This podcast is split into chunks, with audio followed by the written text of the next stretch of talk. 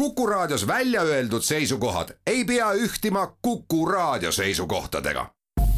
Te kuulate Kuku Raadiot.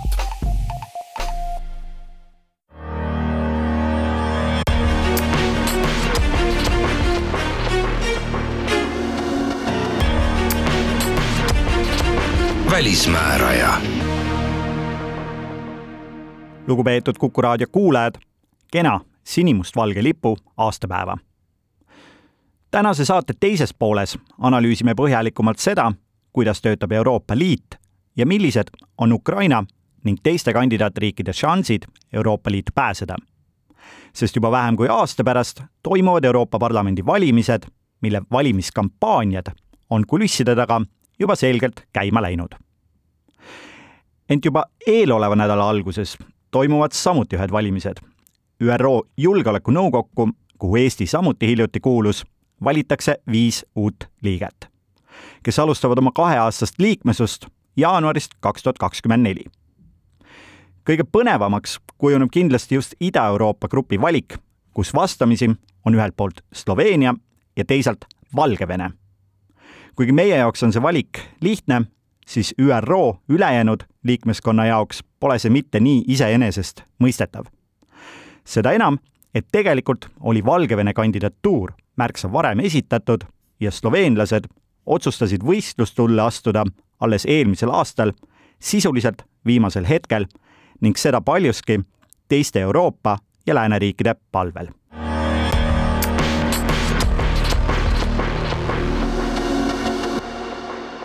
aga läheme nüüd hoopis Rootsi ja Läänemere julgeolekuolukorra juurde. Telefonil on Stockholmi saatkonna asejuht Miikael Laidre, tere! Tere päevast! millised on Rootsi ootused NATO-ga liitumise protsessile nüüd, kui Türgis on valimised lõppenud ja võimupositsiooni taas kord kindlustanud endale president Tayyip Erdoğan? Rootsi on juba natukene üle aasta oodanud NATO-sse pääsu, on oma avalduse ära teinud ja lootnud kiiresti liituda. Ja ajaloolises perspektiivis kindlasti selline aastane ootamine ei olegi nii pikk, aga nagu me teame, on see olukord Rootsi ja Soome puhul natukene erandlik olnud, tulenevalt julgeolekuolukorrast ja, ja teiseks ka sellest, et mõlemad riigid on juba varasemast väga lähedal NATO-le olnud. Ja tõsi, tõsi see on, et võib-olla viimasel ajal nii Türgi valimiste tõttu kui ka selle kahetsusväärse maavärina tõttu, mis Türgis ja Süürias aset leidis, on kogu see protsess natukene ootel olnud, mis ei tähenda, et see oleks kuidagi ära unustatud või, või paiga alla pühitud, pigem võib-olla isegi võiks öelda, et Rootsi vastast on hinde kinni hoitud sel teemal, aga nüüd, kui valimised on Türgis ära toimunud ja, ja tulemus on kõik selge, siis loodetakse võimalikult kiiresti edasi minna. Rootsi äh, plaan A, plaan B, plaan C, ainus plaan, kui nii võib öelda, on liituda Vilniuse tippkohtumiseks ehk siis juuliks. Ja, ja sellega on üsna kiire juba, et millal Türgi parlament saab koguneda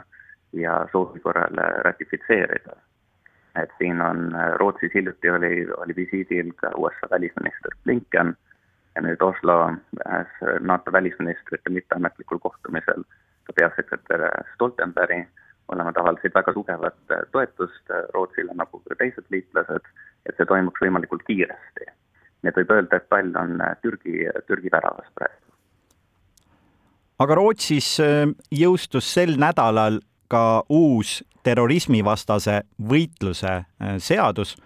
või mida nähakse ka siis tegelikult selle, nende samade Türgi ootuste kontekstis. mida see seadus eneses kätkeb?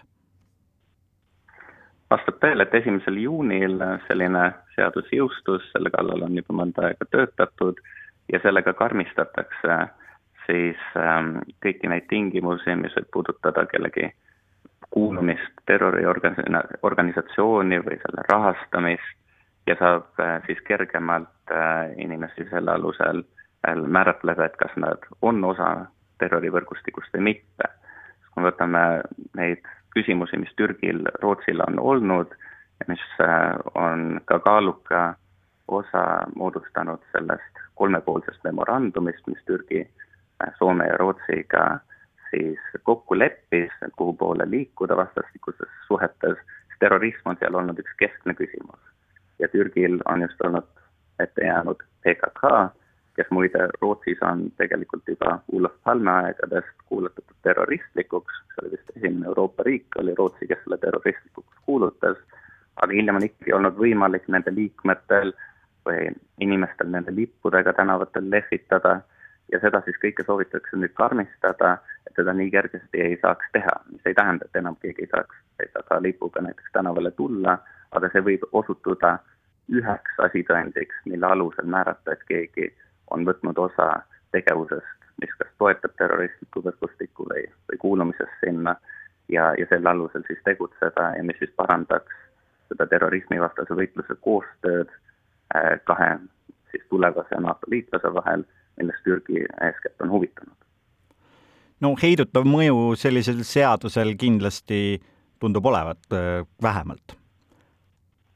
ja, ja siin ongi võtmeküsimuseks kindlasti see, et kas piisab nüüd sellest,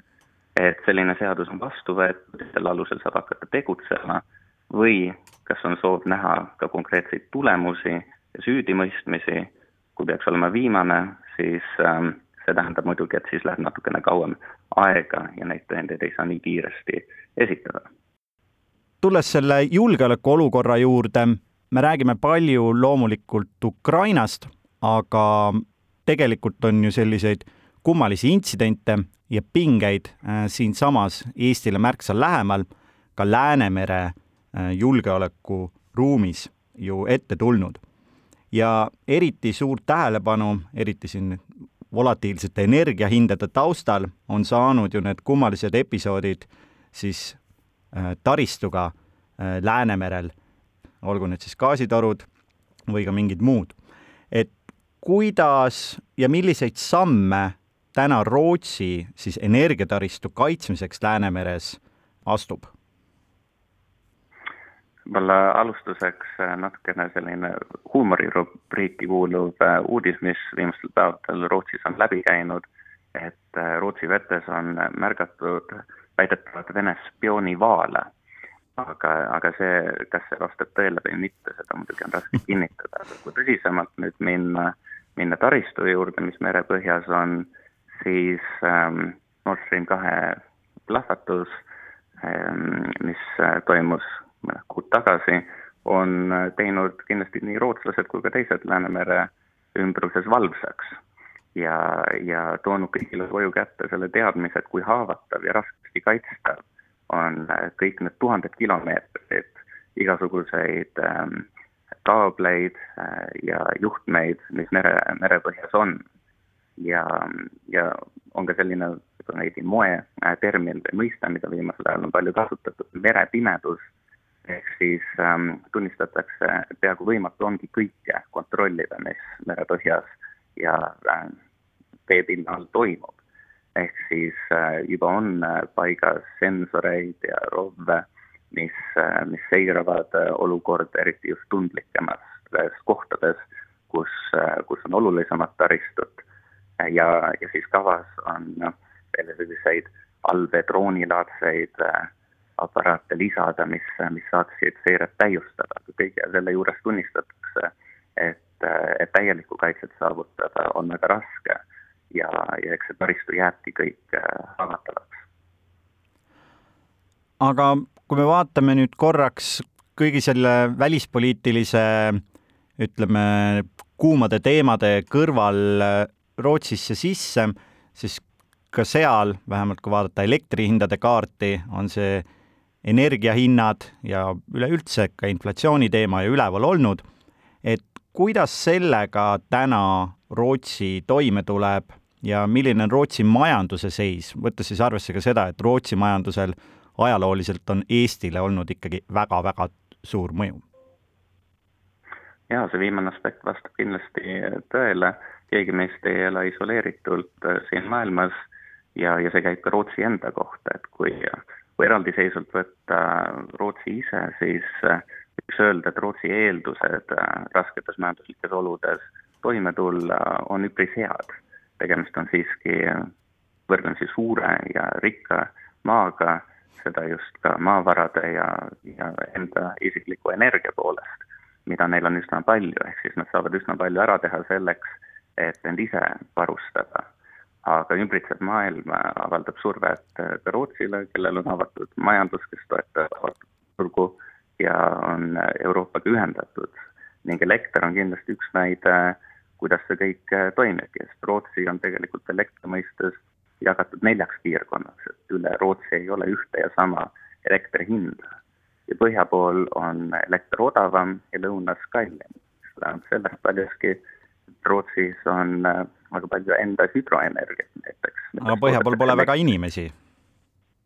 see vastab tõele, aga seal on ka tootmist ja majandust palju, näiteks ka uut akutööstust liigub sinna, seal on kaevandusi, mis on Rootsi jaoks vajalikud ja ka Euroopa majanduse jaoks, ehk siis need elektri, elektrit nõudvad tootmised asuvad äh, ka sealpool, kus natuke odavam, see tuleb neile kasuks. aga lõuna pool, kus on muidugi samuti palju tööstust ja, ja nagu sa ütlesidki, elab rohkem inimesi, siis äh, seal on see elekter kallim, sest on side ja seos Euroopaga kus on kallim elektri hind ja see siis avaldab mõju ka Rootsile. aga kui me nüüd vaatame sellised Eesti-Rootsi kahepoolseid suhteid, hiljuti käis Rootsi kuningas äh, samuti Eestis visiidil, et võib-olla ka sellest kannustatuna, ma küll ei tea täpselt, kui suur selliste visiitide mõju äh, kahepoolsetele suhetele tegelikkuses on. Selle aasta vaates ja võib-olla ka järgmisesse kevadesse, mis need suuremad eesmärgid meil siin kahe riigi vahel on? riigivisiit, millel kuningapaar just hiljuti Eestis käis, oli kindlasti üks märgilisemaid viimase aja visiite, aga ta on üks paljude seast. viimasel paaril aastal on toimunud mõlemas suunas nii riigipea, valitsusjuhi, välis- ja kaitseministrite, teistest ministritest rääkimata tasemel hulganisti visiite, nendega seoses on ka olnud esinduslikud äridelegatsioonid kaasas, samuti mõlemasuunalised. aga visiit kui selline ei ole kunagi eesmärk iseeneses. pigem võiks teda vaadelda selles mõttes, et ta on kinnituseks sellest, mis juba on tehtud, mis on juba saavutatud ja teiseks on ta siis platvormiks või tõuketeguriks, et kuhu edasi minna. ja, ja needsamad kaks elementi on juba mingil määral läbi käinud, millest me oleme rääkinud, esmalt julgeolek ja teine, teise sambana kõik, mis puudutab majandust, äri, kaubandust, need on need võtmeelemendid äh, igas kahepoolses suhtes. arvestades, kui lähedased nii geograafiliselt, majanduslikult, kultuuriliselt Eesti ja Rootsi on, siis ähm, see on kindlasti see, mida veelgi süvendatakse ja ma julgeks öelda, et paljuski selle edu näiteks võib-olla on seegi, et ähm, mina isiklikult kõike ei hoomagi, mis toimub kahepoolses suhtluses meie kahe riigi vahel. ja, ja see ongi hea, et see on jõudnud nii süvatasandile, see on nii laiapindne ja, ja laiaulatuslik, et seda teavadki need eksperdid ja inimesed, kes konkreetse valdkonnaga tegelevad. nii et ka laiemalt tegelikult uue Rootsi äh, valitsusega, kui teda enam uueks saab nimetada, sügisel ametisse astus, on märgata sellist uut ja värsket hingamist, äh, mis puudutab suhteid nii Balti riikidega kui ka teiste Põhjala riikidega. siis nii Rootsi enda poolt äh, kui ka siis Eesti poolt ja teiste piirkonna riikide poolt on üsna palju tähelepanu sellele Põhjala-Balti koostöö süvendamisel, siis tunnistades piirkonna julgeoleku terviklikkust ja, ja majandushuve, siis üksikult on kõigi näol tegemist väikeriikidega, aga koos on, on piirkond konkurentsivõimelisem absoluutselt nende hinnangutega nõus, sest ka ajalooliselt on Läänemeri olnud ju ühtne tervik geopoliitika ja laiema majanduse vaatest. aitäh nende kommentaaride eest, Eesti saatkonna Rootsis asejuht Miikael Laidre. välismääre teeb lühikese pausi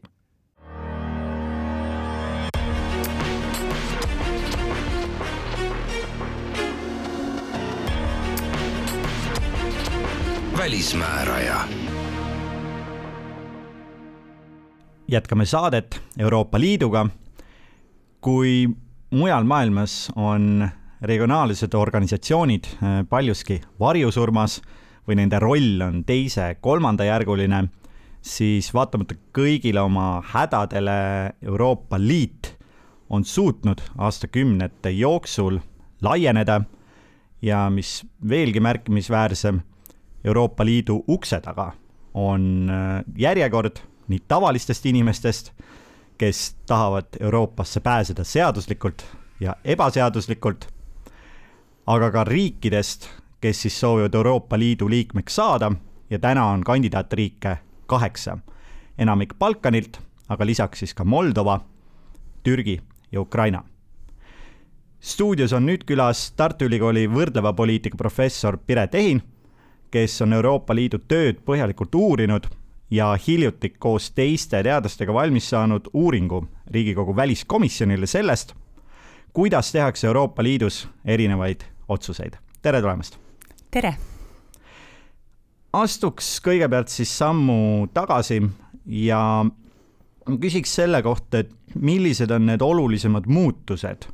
viimastel kümnenditel Euroopa Liidu otsustusprotsessides ja kui oluline on siin siis konsensuse põhimõte, asi, mille, mis on tegelikult väga pikalt sellist Euroopa poliitikat juhtinud, et me peame ühtemoodi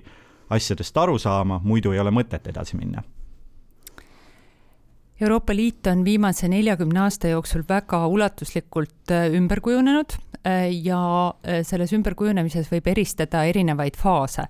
et kui üheksakümnendatel ja kahe tuhandete aastate esimeses pooles oli rõhk aluslepingute reformimisel, mäletatavasti Maastrichti leping üheksakümnendate alguses, Nizza leping, Amsterdami leping, katse võtta vastu Euroopa põhiseaduse leping, see küll kukkus läbi, aga siis kahe tuhande seitsmendal aastal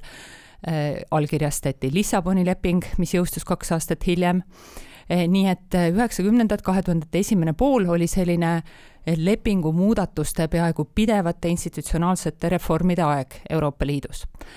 viimased viisteist aastat on olnud selles mõttes teistsugused, et aluslepingute reforme meil olnud ei ole. aga see ei tähenda, et kõik oleks olnud muutumatu Eh, et tegelikult seesama asjaolu, et Euroopa Liit on olnud tõelises kriiside jadas, on Euroopa Liitu äh, kujundanud eh, ja selle otsustusmehhanisme erineval viisil vorminud. Eh, ja äh, kui siit siis midagi sisulist esile tuua, siis ma ütleksin, et kindlasti on jõudu juurde saanud Euroopa Komisjon Äh, nii-öelda täidesaatev organ, kelle, kellel on siis võtmeroll äh, nendele erinevatele kriisidele vastamisel ja uute poliitikate väljatöötamisel ja lahenduste väljatöötamisel, aga samamoodi ka Euroopa Ülemkogu, mis koosneb ähm, äh, valitsusjuhtidest ja riigipeadest ja mille üks tähtsaid ülesandeid on Euroopa Liidu edasiste strateegiliste suundade määratlemine ja kriisidele vastamine, lahenduste väljamõtlemine aga seesama konsensuspõhimõte, mis väga paljusid ikkagi välis- ja julgeolekupoliitika otsuseid äh, suunab või on selleks vajalik, et äh, see vajadus seda mõtet siis reformida, et tulla lagedale mingisuguse teise lahendusega, et kus meil oleks lihtsalt enamus otsustab, nagu demo-, klassikalises demokraatias võib-olla oleks isegi kohasem, et äh, selles osas ollakse ka skeptilised ikkagi liikmesriikide seas. kes on need skeptikud siin ja mis see probleem ikkagi seal on, miks me ei võiks siis minna tõesti, et nüüd on, kuna liikmeid on nii palju, siis tegelikult oleks ju võrdlemisi loogiline, et me ka muudame selle konsensuse põhimõtet, kuna iga uue liikmega konsensuse leidmine läheb ka ju raskemaks. Eh, täpselt nii, et kui kõigepealt pisut laiemat tausta avada, siis üks äh, suund, kuidas Euroopa Liit on mitme aastakümne vältel muutunud, on just nimelt see, et väga paljudes poliitikavaldkondades on loobutud ühehäälsuse põhimõttest ja on üle mindud äh, kvalifitseeritud äh, häälteenamusele. see on siis põhimõtteliselt teatud sorti enamushääletamine, selle täpne definitsioon on ka aja jooksul muutunud, aga alates Lissaboni lepingu sõlmimisest see definitsioon on siis selline, et et selleks, et otsus saaks vastu võetud, siis Euroopa Liidu Nõukogus peavad poolt hääletama viiskümmend viis protsenti liikmesriikidest kes esindavad vähemalt kuutekümmet viit protsenti Euroopa Liidu rahvastikust ja tõepoolest välis- ja julgeolekupoliitika ja maksundus on kaks viimast valdkonda, kus on jäädud konsensusel põhineva otsustamise juurde. nii et kehtib ühehäälsuse nõue, mis tähendab äh, siis seda, et ükski, selleks, et otsus saaks vastu võetud, ei tohi ükski liikmesriik hääletada vastu nii-öelda erapooletuks jäämine on, on lubatud, sellisel juhul võib otsus ikkagi saada vastu võetud. Aga, aga puhtalt loogiliselt tuleneb siit kohe see, et, et ühehäälsuse nõue muudab otsustamise keeruliseks, ajakulukaks Äh, ja see võib ähm, takistada Euroopa Liidu poliitika tõhusust ja kõige halvemal juhul äh, võib see kaasa tuua suisa välispoliitilise halvatuse. Ja tegelikult äh, kiirus on välispoliitika tegemisel tihti väga-väga oluline. selleks, et Euroopa Liit saaks adekvaatselt reageerida erinevatele sündmustele, erinevatele kriisidele, peab ta olema võimeline operatiivselt tegutsema ja ühehäälsus seda, seda pärsib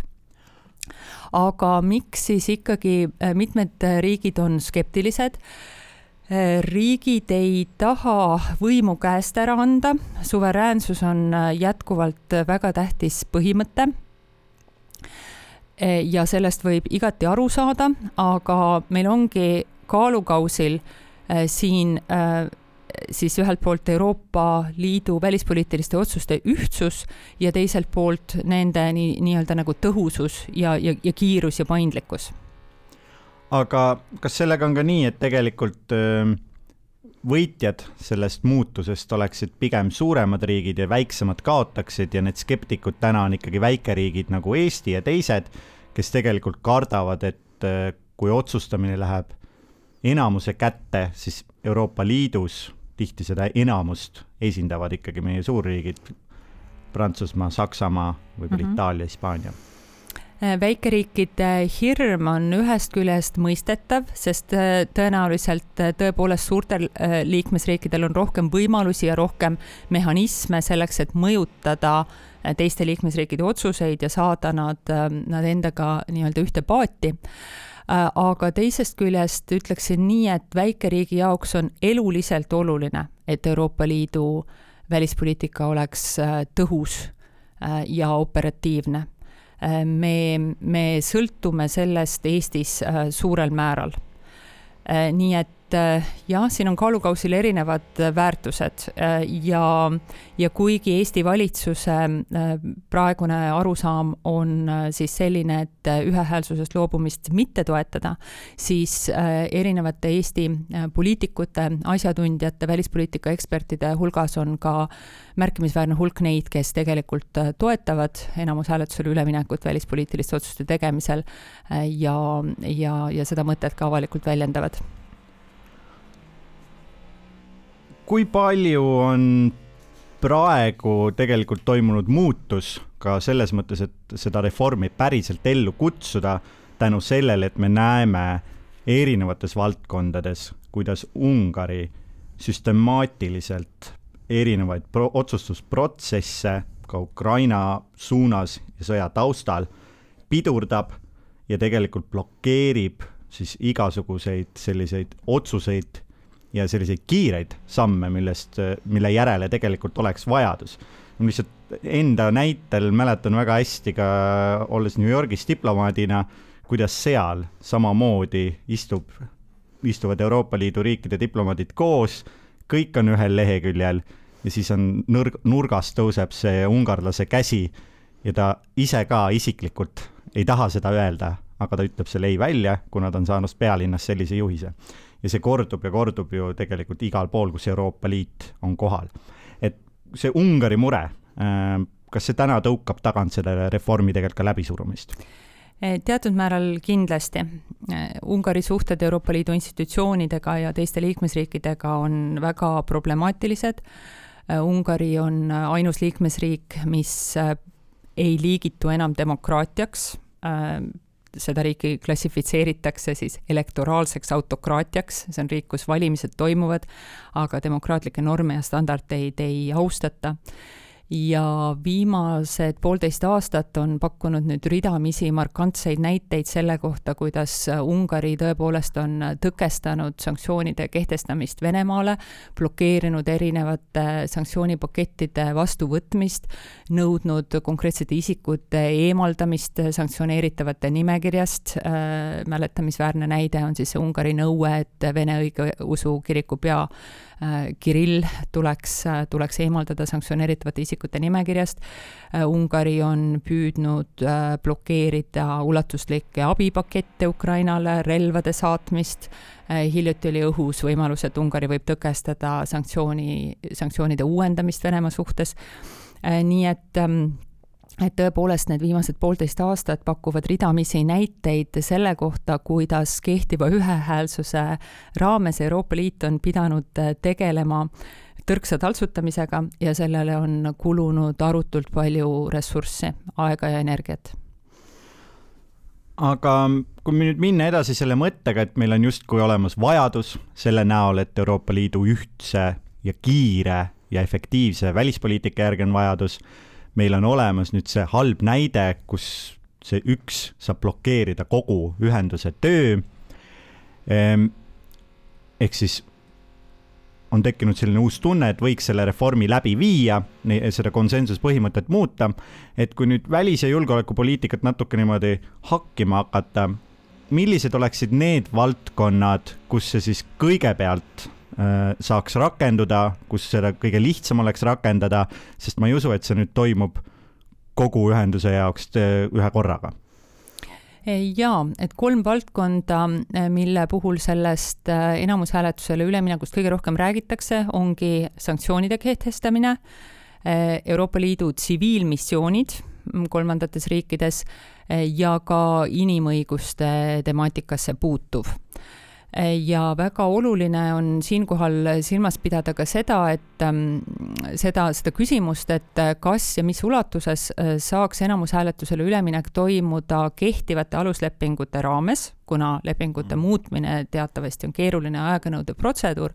siis äh, olles seda teemat nüüd mõnevõrra uurinud, siis kõigepealt saan kinnitada, et jah, see on võimalik ka aluslepinguid muutmata äh, Lissaboni lepingus on olemas klausel, et et äh, enamushääletusele võib üle minna äh, täiendavates valdkondades, juhul kui ülemkogus äh, kõik liikmesriigid ühehäälselt on selle poolt, nii et lepingutes sisalduvad niinimetatud sillaklauslid või passerellklauslid, mille alusel see üleminek põhimõtteliselt on võimalik. iseküsimus on muidugi see, et, et seda, seda ühehäälset heakskiitu sellisele sammule praegu ei ole aga juhul, ahah, ja aluslepingud sätestavad ka väga selgelt, et et äh, ühehäälsusest ei saa loobuda äh, sõjalise ja kaitse äh, poliitilise iseloomuga küsimuste puhul aga iseküsimus, et kui nüüd tõepoolest peaks minema aluslepingute avamiseks läbirääkimisteks, siis, siis on muidugi variante laual rohkem. jah, mul endal tekkis siin kaks mõtet, et üks on ju see, et äh, just, kui me räägime inimõigustest ja sellest, et kui on toimunud rängad inimõiguste rikkumised, et seal peab tegutsema kiiresti ja seal ei ole tingimata see konsensus nii oluline, Eesti ju tegelikult räägib seda äh, ÜRO Julgeolekunõukogu reformimise puhul samamoodi, et vetoõigust ei tohiks seal saada rakendada, kui on toimunud sedalaadi rängad äh, kuriteod. aga välismääraja teeb siinkohal lühikese pausi ja naaseb õige pea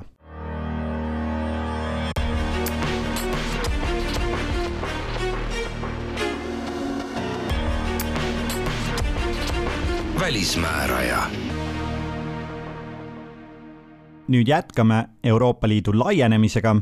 stuudios on külas Tartu Ülikooli võrdleva poliitika professor Piret Ehin, mina olen saatejuht Peeter Raudsik. räägiksime nüüd sellest, kuidas ähm, Euroopa Liidu laienemise väljavaated on, sest äh, mulle tundub, et see, et meil on see järjekord ukse taga, äh, on kuidagi Euroopa Liitu edasi tõuganud, et kogu aeg on mingi eesmärk, mille poole püüelda, et kuidas need riigid kaasata, kuidas tegelikult neid samu väärtusi siis viia inimestele, kes täna ei ole Euroopa Liidus. Ähm, et see on olnud see mootor äh, nii mõneski mõttes. Kuidas neid arutelusid täna siis Euroopa Liidu laienemise üle hinnata ning millised on võtmeteemad siis nende erinevate kandidaatriikide äh, lõikes, kellest siis suurem osa on Balkanilt, aga lisaks on siin ka Türgi, Ukraina ja Moldova jaa, Venemaa agressioon Ukrainas on andnud laienemise teemalistele debattidele täiesti uue hoo ja hingamise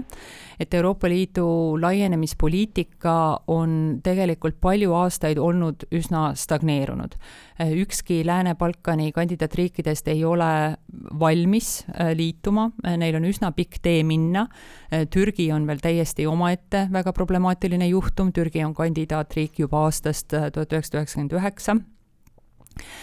ja tegelikult peab tunnistama, et äh, paljudele praegustele liikmesriikidele mingis mõttes äh, see äh, Lääne-Balkani riikide edu puudumine oli omamoodi mugav. See võimaldas mitte tegeleda aktiivselt laienemise teemaga, mitte, mitte tegeleda sellega, et omaenda ühiskondades siis vastavat konsensust luua, nii et, et see laienemise poliitika oli mõnda aega sellises tiksumise faasis aga see, äh, mis äh, nüüd viimase viieteist kuu jooksul on ähm, Ukrainas juhtunud, on pea peale pööranud kogu senise arusaamise laienemisest ja, ja ka Euroopa Liidu naabruspoliitikast. liit ise on muutunud, mitmedki asjatundjad on selle muutuse tuuma võtnud kokku niimoodi, et Euroopa Liidust on korraga saanud geopoliitiline liit. Et see on liit, mis on äh, silmitsi väga äh, suurte väliste julgeolekuohtudega ja see on liit, mille nii-öelda naabruskonnas põhimõtteliselt siis toimub äh, geopoliitiline rivaalsus ja, ja on olemas teised mõjukad tegutsejad, Venemaa, Hiina, aga ka Türgi, kes, ähm, kes on valmis ajama sellist mõjusfääride poliitikat või pakkuma omaenda majanduslikke või valitsemise mudeleid või julgeolekulahendusi. ja äh, nagu viimased poolteist aastat on näidanud, äh, sõna otseses mõttes ohustama naabruskonna riikide äh, suveräänsust. ja, ja selles kontekstis äh, on laienemine, Euroopa Liidu edasine laienemine muutunud teatud mõttes geopoliitiliseks imperatiiviks Eh, see ei tähenda nüüd seda, et laieneda tuleks ainult julgeolekukaalutlustel kõike muud kõrvale heites, see ei ole ka tegelikult võimalik, sest ehm, aluslepingud ikkagi ju sätestavad selgelt, mismoodi, milliste protseduuride alusel laienemine peab toimuma. Aga see asjaolu, et Euroopa Liit otsustas möödunud aasta juunis anda kandidaatriigi staatuse äh, Ukrainale ja Moldovale ja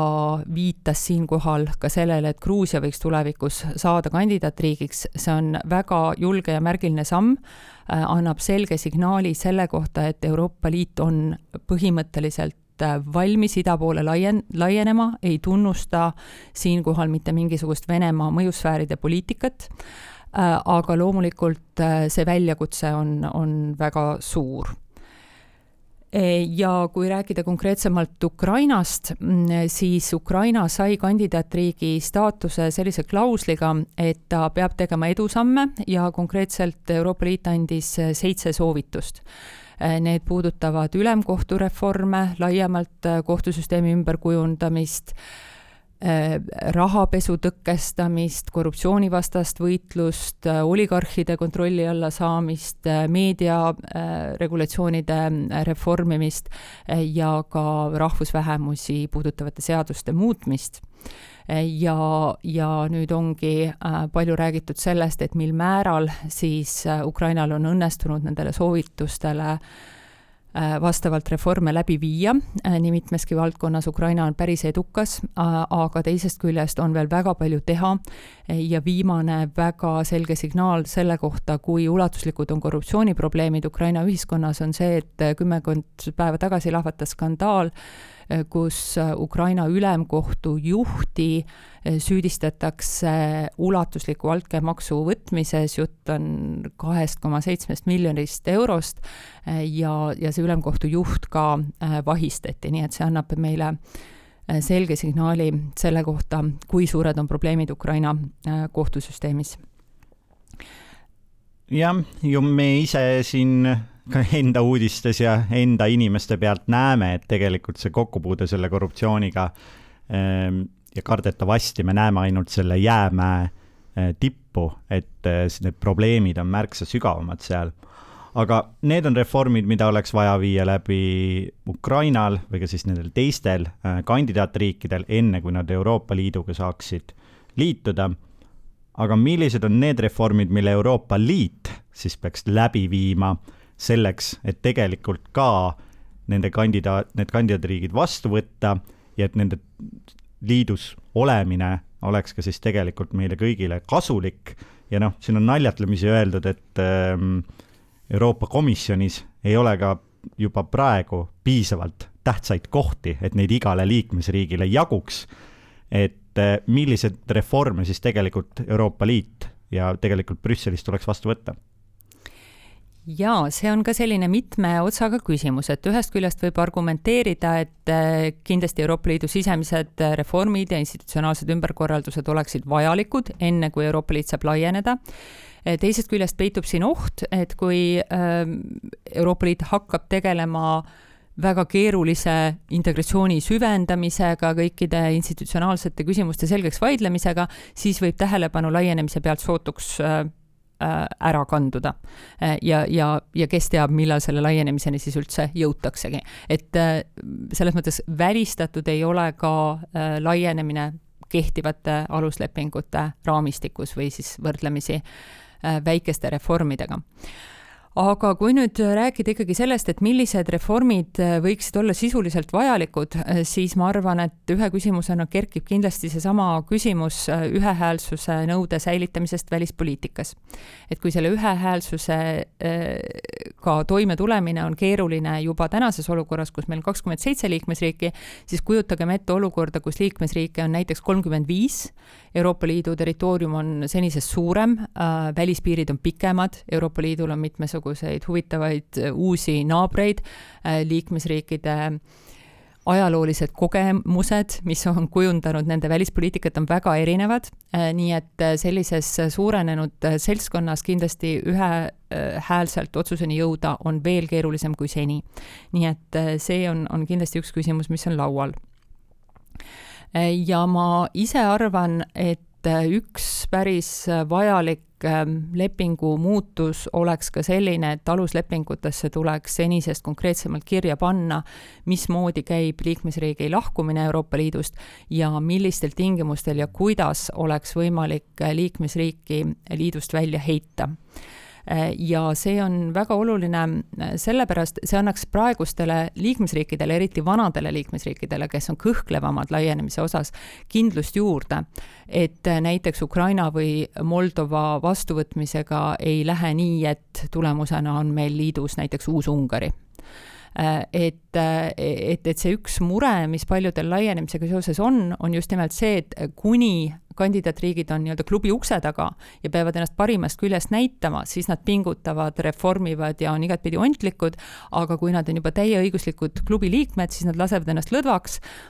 ja, ja teevad, riku, rikuvad reegleid, teevad, mis pähe tuleb. et, et põhimõtteliselt on ikkagi küsimus, et kuidas ja mil viisil on võimalik liikmesriike sanktsioneerida, loomulikult äh, omad mehhanismid on juba selleks juba praegu olemas, aga, aga kui on ikkagi tegemist pikaajalise ja süstemaatilise liidu äh, alusväärtuste ja põhimõtete rikkumisega, siis mida sellise liikmesriigiga ikkagi peale hakata? Võib-olla on vaja Euroopa Liidule katseaega. Aga ma tuleksin veel Ukraina juurde tagasi ja küsiksin seda, et kui realistlik see Ukraina Euroopa Liiduga liitumine on ja kas tegelikult Euroopa Liidu vaatest on see peamiselt, seisneb siis see probleem täna selle juures, et meil ei ole ikkagi kokkulepet, põhimõttelist kokkulepet kahe kõige olulisema, Prantsusmaa ja Saksamaa vahel, et kui see kokkulepe sünniks ja teineteise mõistmine selles küsimuses, siis need ülejäänud pusletükid tegelikult vajuvad, noh, kas just iseenesest, aga märksa lihtsamalt paika. Ma arvan, et see küsimus on mõnevõrra keeru-, keerulisem, äh, Ukraina võimalused sõltuvad väga paljudest teguritest, kõigepealt muidugi sellest, et kuidas ja millal see sõda lõpeb, äh, asjaolu, et Euroopa Liit on andnud kandidaatriigi staatuse sõdivale riigile, on juba iseenesest erakordne ja, ja pretsedenditu me ei tea täna, kui kaua see sõda kestab ja mismoodi ta lõpeb. me ei tea ka, milline on Ukraina ühiskonna vastupidamisvõime ja mil määral säir-, säilib usaldus praeguse administratsiooni suhtes või millised on siin edasised poliitilised arengud. ja kahtlemata, mm, kahtlemata äh, Ukraina liitumise võimalused sõltuvad sellest, äh, kas Ukraina suudab reforme läbi viia ja teha seda mitte pinnapealselt, vaid tõepoolest sügavuti ja süsteemselt. Ukrainal on väga suuri probleeme, sealhulgas korruptsiooniga, mis tuleb ära lahendada äh, sõjas olemise aeg ei ole sugugi lihtne aeg reformide läbiviimiseks, aga teatud mõttes me ei saa ka olla kindel, et parem aeg tuleb. Äh, nii et ma arvan, et Ukraina peaks juba praegu tegema kõik, mis võimalik selleks, et olla võimalikult heas stardipositsioonis äh, selleks, et sõja lõppedes sellel liitumise teel järgmisi samme teha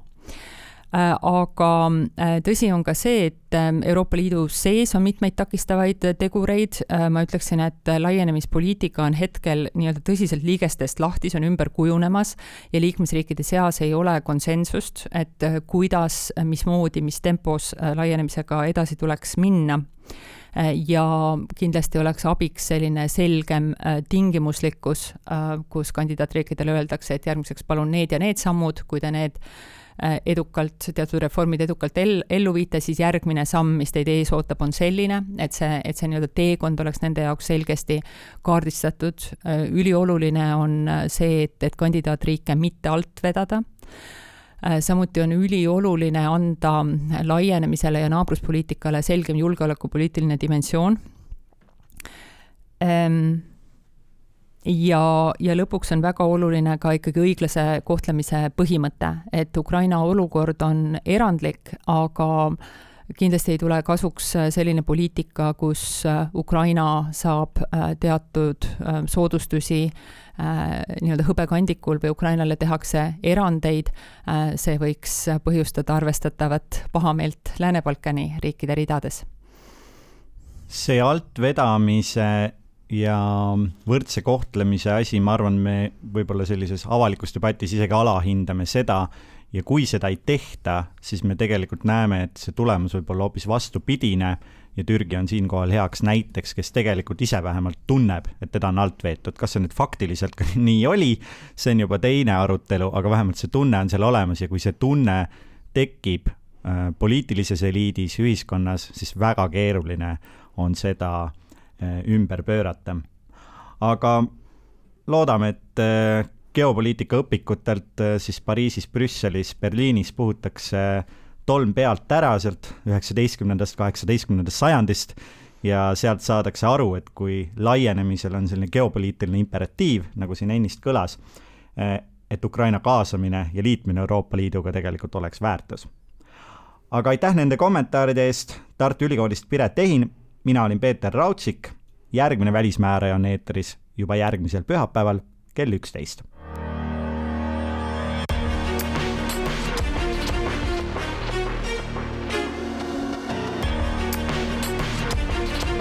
välismääraja